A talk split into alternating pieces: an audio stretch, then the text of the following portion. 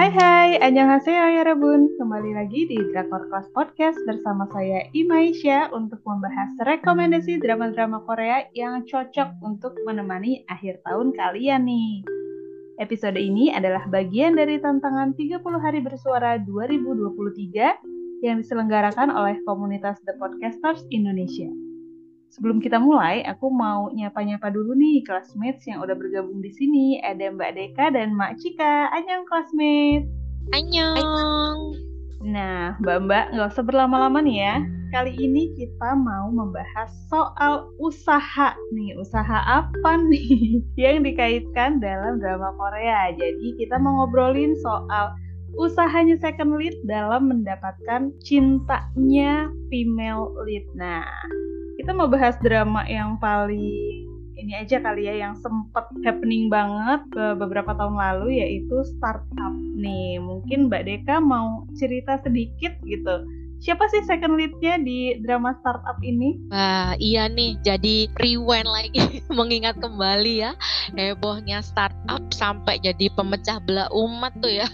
Second lead sama uh, lead male-nya. Jadi kalau second leadnya namanya di tokohnya tuh Han Ji Pyong yang main Kim Seon Woo terus juga lead male-nya Nam Dosan ya yang kemarin baru selesai main drama Vigilante ya Mbak ya. Banyak banget banyak banget yang berharap jadi ama second lead. Tapi kok kayaknya kurang usaha. Bener nggak sih gimana Mbak Ima? Gimana Mbak Cika? Apakah Han Ji Pyong kurang usaha? Bener banget. Kalau menurut aku sih dia memang kurang. Sebenarnya enggak sih. Dia uh, dia itu berusaha tapi kayak uh, diam-diam gitu ya biar gak ketahuan gitu ya sebagai superhero istilahnya gitu. Kalau dari aku sih uh, usahanya itu gak gak kelihatan gitu ya. Jadi pasangannya tuh harus tahu sendiri gitu. Jadi ya menurut aku ya jadi kayak nggak kelihatan ya usahanya ya. Kode-kodean gitu ya. Mm-mm. Apa aja nih Mbak Deka mungkin bisa nimbrung apa sih yang dilakukan sama Han Ji Pyong gitu sama Sodalmi? Iya kan awalnya itu kan malah yang nulis surat-surat itu kan si Han Ji Pyong kan. Terus Tapi terus kan dia atas namanya bukan uh, atas nama dia kan. iya ya gitu ya. Terus ketika jadi mentor itu ya kan udah bantuin kan mentor startup kan ya.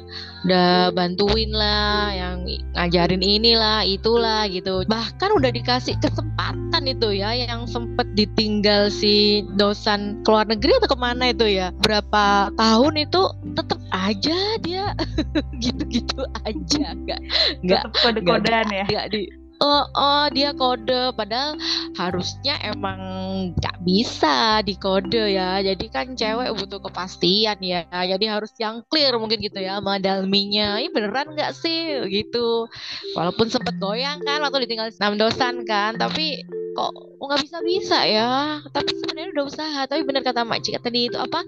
Hmm, dia nggak nggak ngeliatin dengan jelas gitu loh. Jadi kayak apa implisit gitu ya Terus itu sempet nyatain gak sih sebenarnya Han Ji Pyong? Aku nggak nonton nih, jujur li ya. Aku juga jadi kayak flashback gitu ya. Tanya iya nggak ya? Sempet nggak ya dia nyatain? Kayaknya di akhir-akhir gitu ya dia tuh nunjukin gitu kan. Cuman kayaknya nggak nggak ketara gitu dia ngungkapinnya. Seingat aku sih, karena kalau nggak salah tuh ada adegan yang dia tuh cemburu banget gitu ya pas yang apa namanya? Eh karena kan dia nggak biasa untuk suka sama orang lain gitu kan. Terus dia tiba-tiba cemburu. Jadi kayak dalam itu aneh gitu. Kenapa ini orang gitu? Jadi kayaknya mungkin dari awal sampai akhir itu kita nggak kelihatan banget yang benar-benar kayak orang nyatain cinta ke pasangannya gitu. Dia cuman kayak tersirat gitu loh mbak. Jadi memang dari awal itu ngegebesin ya ini orang suka tapi kok nggak berani ngomong utama apa nyatain cinta gitu kan. Jadi kayak gemus banget gitu loh. Nggak memang nggak kelihatan sih dia uh, ngungkapin perasaan dia ke Dalmi kan. Aku Jadi kayak rada-rada ngomong gitu.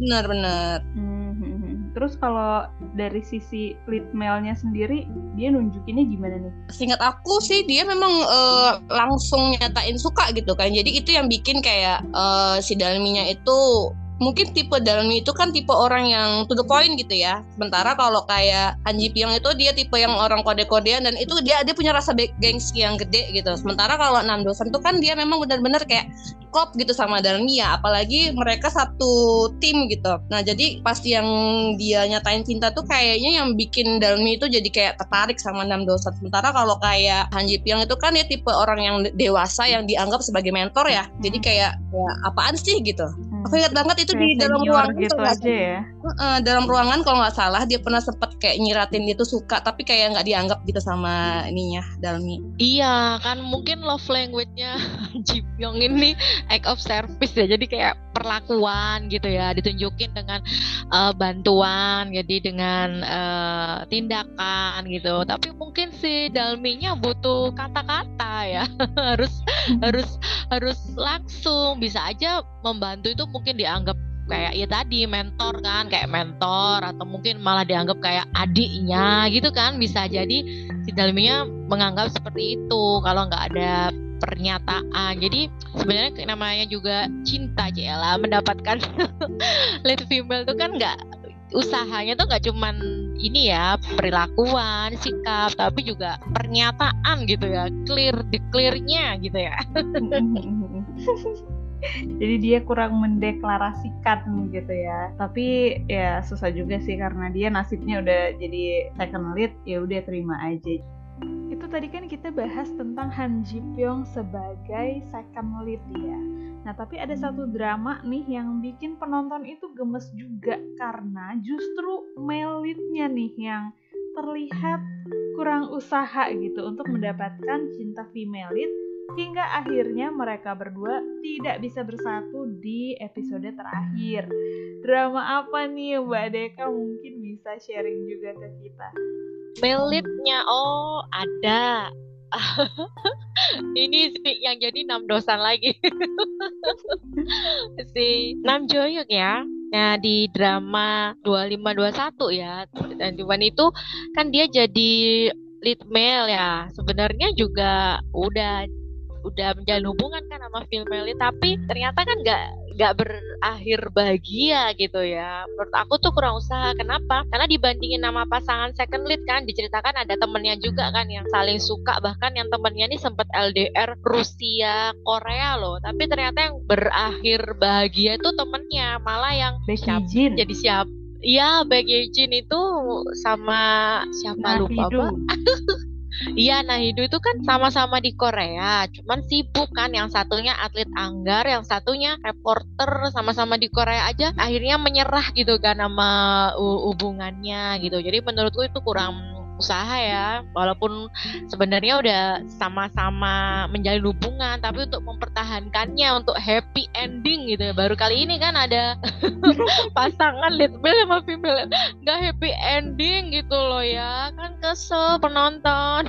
Itu menurut aku tuh kurang usaha di situ sih. Oh ya kalau yang di Back Jin itu kan dia lebih kayak ngutamain keluarga ya ketimbang percintaannya. Jadi tuh kayak pasrah gitu loh mbak. Jadi ke uh, si Nahido ya nah Hidu itu bilang oke okay, sekian. Jadi dia deh ya udah terima. Jadi nggak nggak berjuang gitu. Sementara kan kita tuh penonton tuh greget ya berharapnya tuh ya diperjuangkan gitu ya. Uh, di apa di, diusahakan gitu. Sementara dia tuh kayak oh ya udah deh aku pun juga lebih uh, memprioritaskan kayaknya masa depan keluarga aku gitu ya ketimbang ini. Jadi ya gemes kan penonton ya. Kita sih nggak bisa nyalahin dia ya. Mungkin pemikiran dia juga kondisi psikologis dia di masa lalu sama keluarganya gitu ya. Ya itu aja sih menurut aku kurangannya. Dia tuh kayak pasrah gitu kan Iya mungkin nggak prioritas gitu ya hubungannya untuk mungkin karena ya sama-sama masih muda kan sama-sama merintis karir jadi uh, relationship ini nggak prioritas gitu jadi ya jadi ada yang, yang lebih prioritas kalau gitu udah ya? uh, uh, terlalu harus Realistis. berjuang kayaknya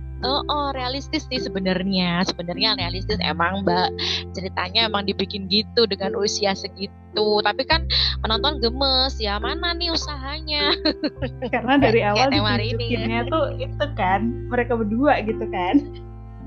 Nah itu tadi obrolan kita soal usaha second lead untuk mendapatkan cinta female lead dari drama startup yang dirasa kurang greget nih sama classmate drakor kelas ditambah sedikit cerita tentang kurang usahanya dan perjuangan dari male lead untuk mempertahankan hubungannya dengan female lead di drama 2521 atau 2521. Cingedel kalau misalnya classmate drakor kelas lagi bahas drakor itu udah kayak ngomongin teman sendiri gitu ya, akrab banget kayaknya.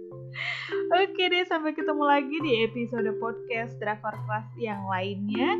Baca artikel kita seputar drama Korea, K-pop, dan sejenisnya di www.drakorclass.com Follow juga media sosial kami di IG, Twitter, Threads, YouTube, dan podcast tentunya, di mana akunnya itu namanya Drakor Class. Sampai ketemu lagi, annyeong! Annyeong!